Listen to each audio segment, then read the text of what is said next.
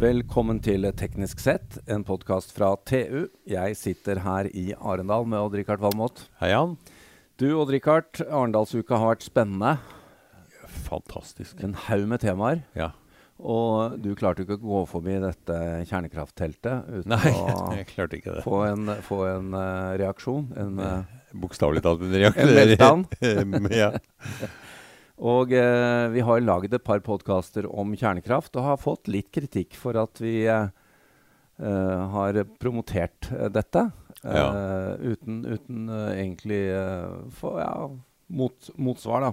Det er vel ikke, kanskje ikke det som kommer i dag eh, heller, men vi har fått tak i en eh, kjernekraftingeniør Ja. som eh, vi håper eh, kan komme med noen svar. Han er fra USA. Uh, we just uh, introduced part of the background here, uh, Mark. Introducing you, Managing Director Mark Nelson from Radiant Energy Fund, based in Chicago, the US.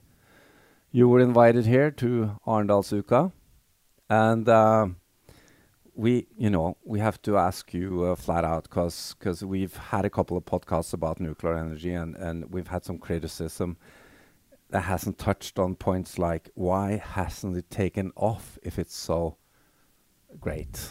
Right. Well, uh, that's a very good question. It's good to be here, guys. This is my first trip to Norway, um, and it means a lot for me and I think my family because my grandfather helped bring in Ekofisk Field as a Aha. as Really? elec- electrification engineering manager for the offshore platforms being built. He's brought us many million. Yeah, he this, yes he was over he, he was over here in 1972 and then again in 1974 making sure that electrification systems were uh, done to his specifications. Um, and then the gentleman who paid for my education in nuclear energy in graduate school in Cambridge, he was a, another Oklahoman who was CEO of uh, ConocoPhillips of Phillips Petroleum Okay. and uh, obviously oversaw a lot of that work. So Yeah. my life and my education have been tightly linked in surprising ways with Norway, and it's good to be here. With with oil, they made oil, oil Norway a brown nation. With Oil and energy, gas, with yes. energy that was purchased around the world to provide a level of life that was never possible before. Of course. It has its downsides, and we're here to talk about that. Mm. So let's talk about nuclear. Oil, with its downsides, has taken off. Nuclear, which I think is great, I think it's the greatest energy source. It hasn't truly taken off. Not really. Not compared to its potential, I think we can agree. Why is that? Nuclear is special. It's very special. People are have an intuition that it's special. It's just so powerful. It's new and it cannot be done in the home. Fire has been with us. Fire and the hearth has been the center of family life as long as we've been an Mm. identifiable species. Nuclear is fundamentally new. The oldest solar panels are are almost twice as old as the oldest Yeah. nuclear reactor. Or uh, I mean, s- wind power. Wind power brought Holland out of the mud Yeah. um, centuries before the first proving of the splitting of the atom. Even fusion, fusion reactions took place in a lab, and fusion was known to science uh, many years, but for fission. Fission is quite simply the newest major energy source we have. It's correct. It should be expected that people are are uh, anxious about it.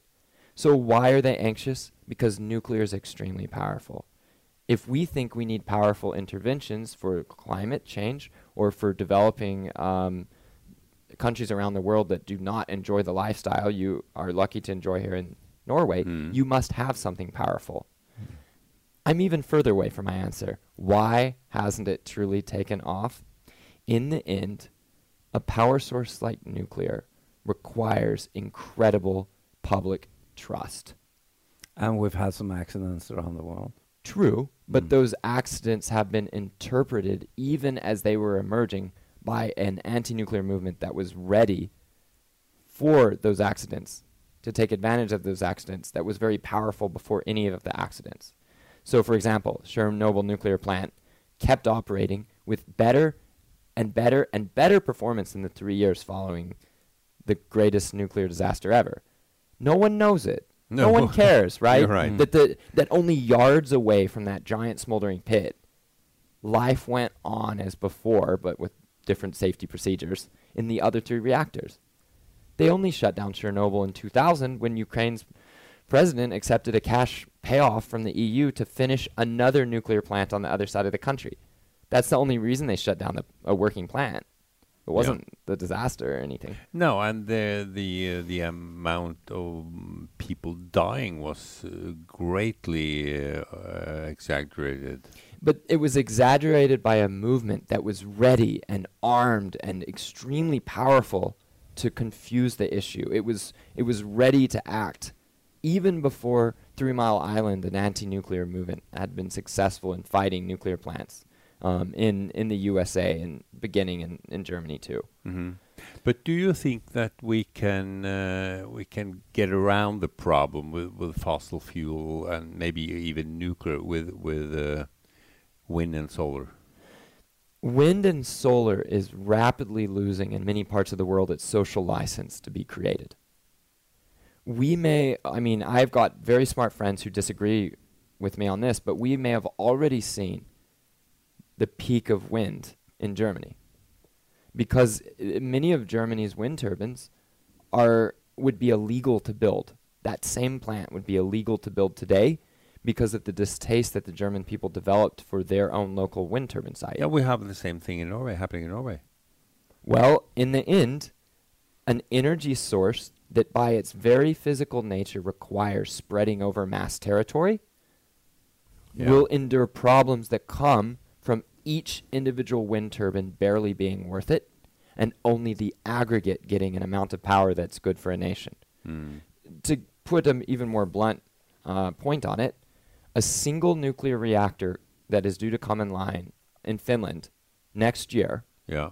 um, there have been many complaints. It's taken too long. It's been too difficult to build. It's been a catastrophe financially.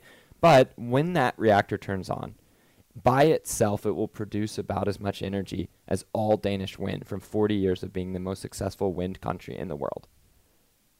A Yeah. single, a single reactor. That that's that's a lot of territory that powerful. can be cleaned up. Uh, yeah. So and notice that you guys say cleaned up.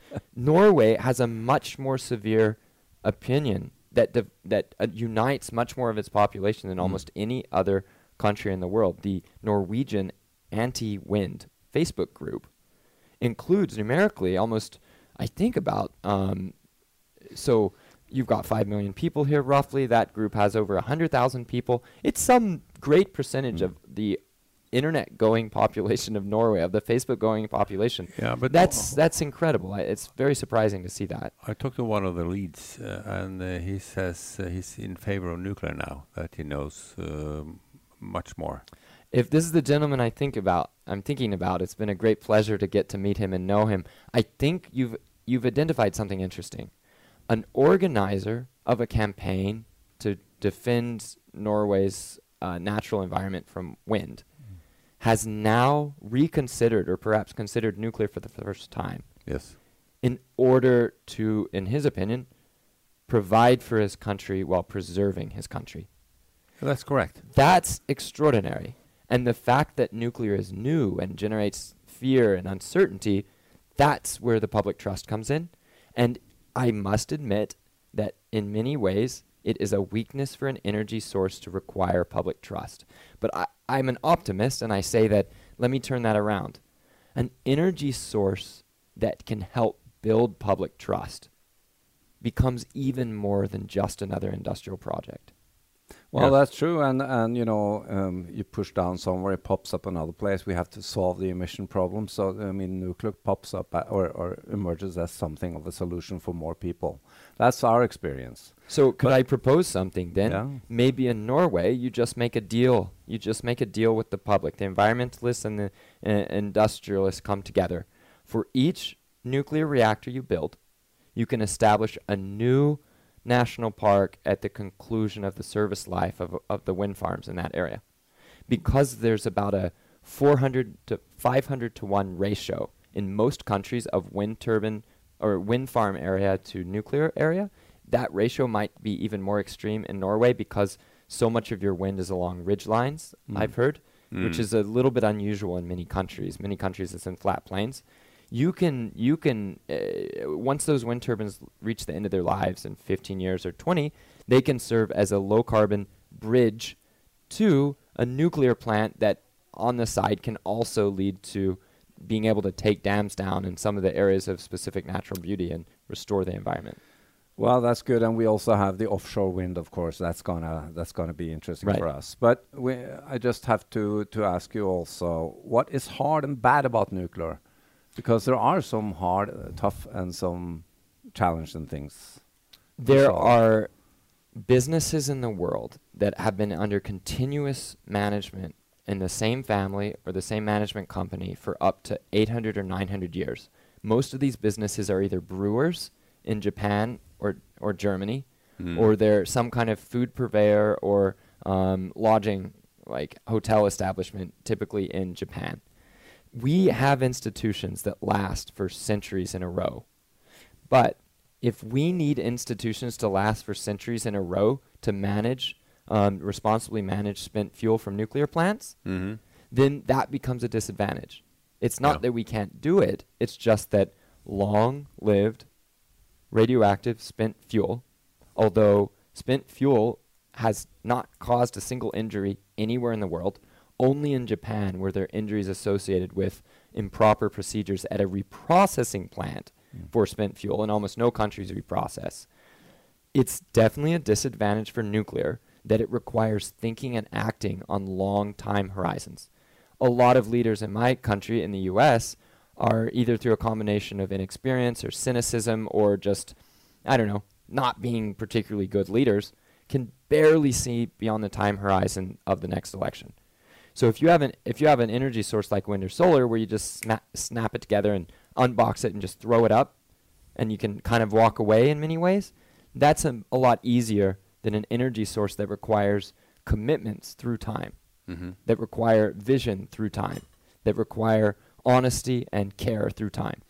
I happen to think that what I've heard about Norway and Norwegians, you have um, an exceptional capacity for those t- sort of long term outlooks. So this disadvantage may not be so disqualifying in your country.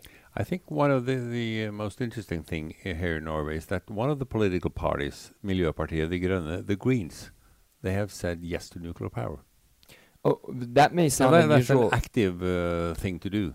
That may sound unusual to you, but I'm in touch with people around Europe who are remaining in their Green Party as they fall in love with nuclear, and they're refusing to exit the party, even though the members of their party that were around in the Cold War typically refuse to reconsider their views. Yeah. They would rather lose their focus on carbon and protecting the environment than to reconsider their views on nuclear, which formed um, under, uh, you know, rehearsals for bombings in the Cold War. But But the young Greens won't accept this. They say, "Why can't I have it all?" They want the nuclear because it's a small environmental footprint and it solves the carbon issue. But let's take a little peek into the crystal ball here. Uh, there's technical development going on in nuclear as well. Less than it should be, but there are a lot of talk about fourth generation nuclear power. And the only country that really ha- has fourth generation today is the Russians. And they are really active when it comes to nuclear, as we talked about before. Right. So the Russians have a huge advanced nuclear program, but it's still only a tiny fraction of their total nuclear enterprise. The Chinese are working very hard to catch up.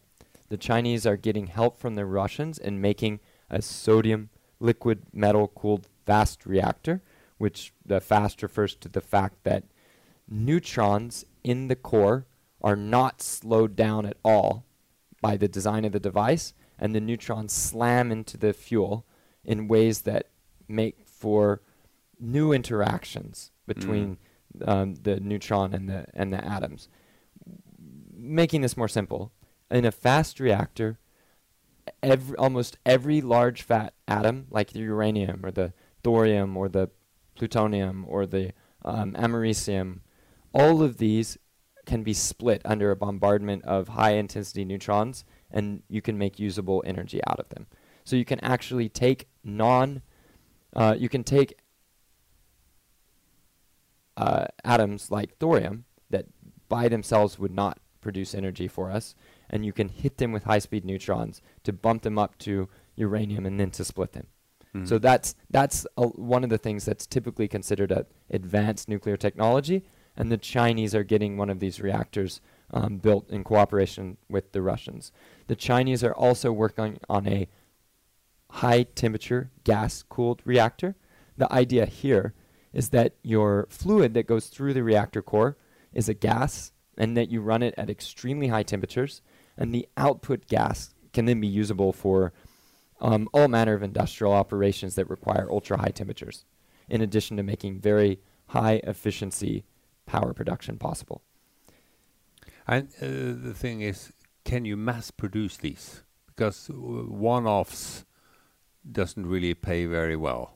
But if you can put them on, on a conveyor, produce a lot of them, you can lower the price, I suppose. I pretty, think- pretty w- I much. think the difficulty, that's true, but I think the difficulty for the Russians is that they already do mass produce these large reactors Yeah. quite successfully, and those reactors are continuing to operate really well into their 40th and sometimes 50th year.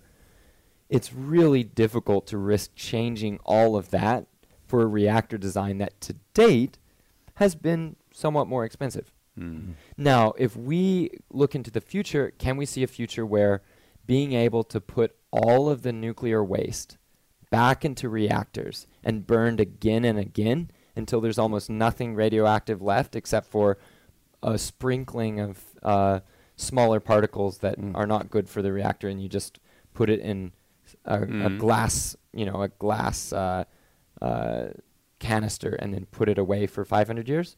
Well, I think that's a very cool vision. In fact, I support the idea of not making underground waste repositories for spent fuel. It's just a waste of money. Doesn't save any lives Because it's going to be a resource soon. because it's going to be a resource soon. Within a Yeah. 100 or 200 years, Yeah. all you do is you keep your plants online, keep them making power, Mhm. and then you leave the, the w- spent fuel on site. And when you're ready, you just install the next generation of technology at the same site, and you start using up the waste. Sounds very interesting. Well, we're, you know, uh, there's so much we could talk about, Mark. I just have one uh, ending question for you. I spoke to a leading national politician uh, two days ago, and we talked, we scheduled actually a podcast. We're going to have him here. And we talked about nuclear, and he said that he was for nuclear, but not in Norway. What kind of uh, standpoint is that? That is much less an obstacle than you might think, Jan. Because Norway is blessed with an extraordinary sovereign wealth fund, and because Germany is currently putting the safety of all of Europe at risk by trying to block green investment in nuclear in Europe, Norway has a chance to be a friend of Europe, clean up our atmosphere, and also make a little some good cash for itself by taking a very long-term investment outlook, reaching out to its neighboring countries that intend to build nuclear mm. already, and just offering to come in as an equity partner in those nuclear plants, solving a vexing issue that's one of the only barriers to a number of countries around Europe getting reactors. Poland needs an equity partner. Romania needs equity. The UK desperately needs somebody to hmm. come in who wants to own and make money off of a nuclear plant over a decadal time period. Norway can be a nuclear champion of the world and and the savior of Europe merely by just investing in shovel-ready projects in other countries. Well, uh, he'll be glad to hear this, I'm sure. well, anyway, Mark, we wish you uh, all the best on your uh, visit here uh, at the Arendalsuka. Uh, thank you so much for uh, stopping by. Uh, takk til Odd-Rikard Valmot. Takk til Innoventis, som har lånt oss studio denne uken. Og mitt navn er Jan Moberg.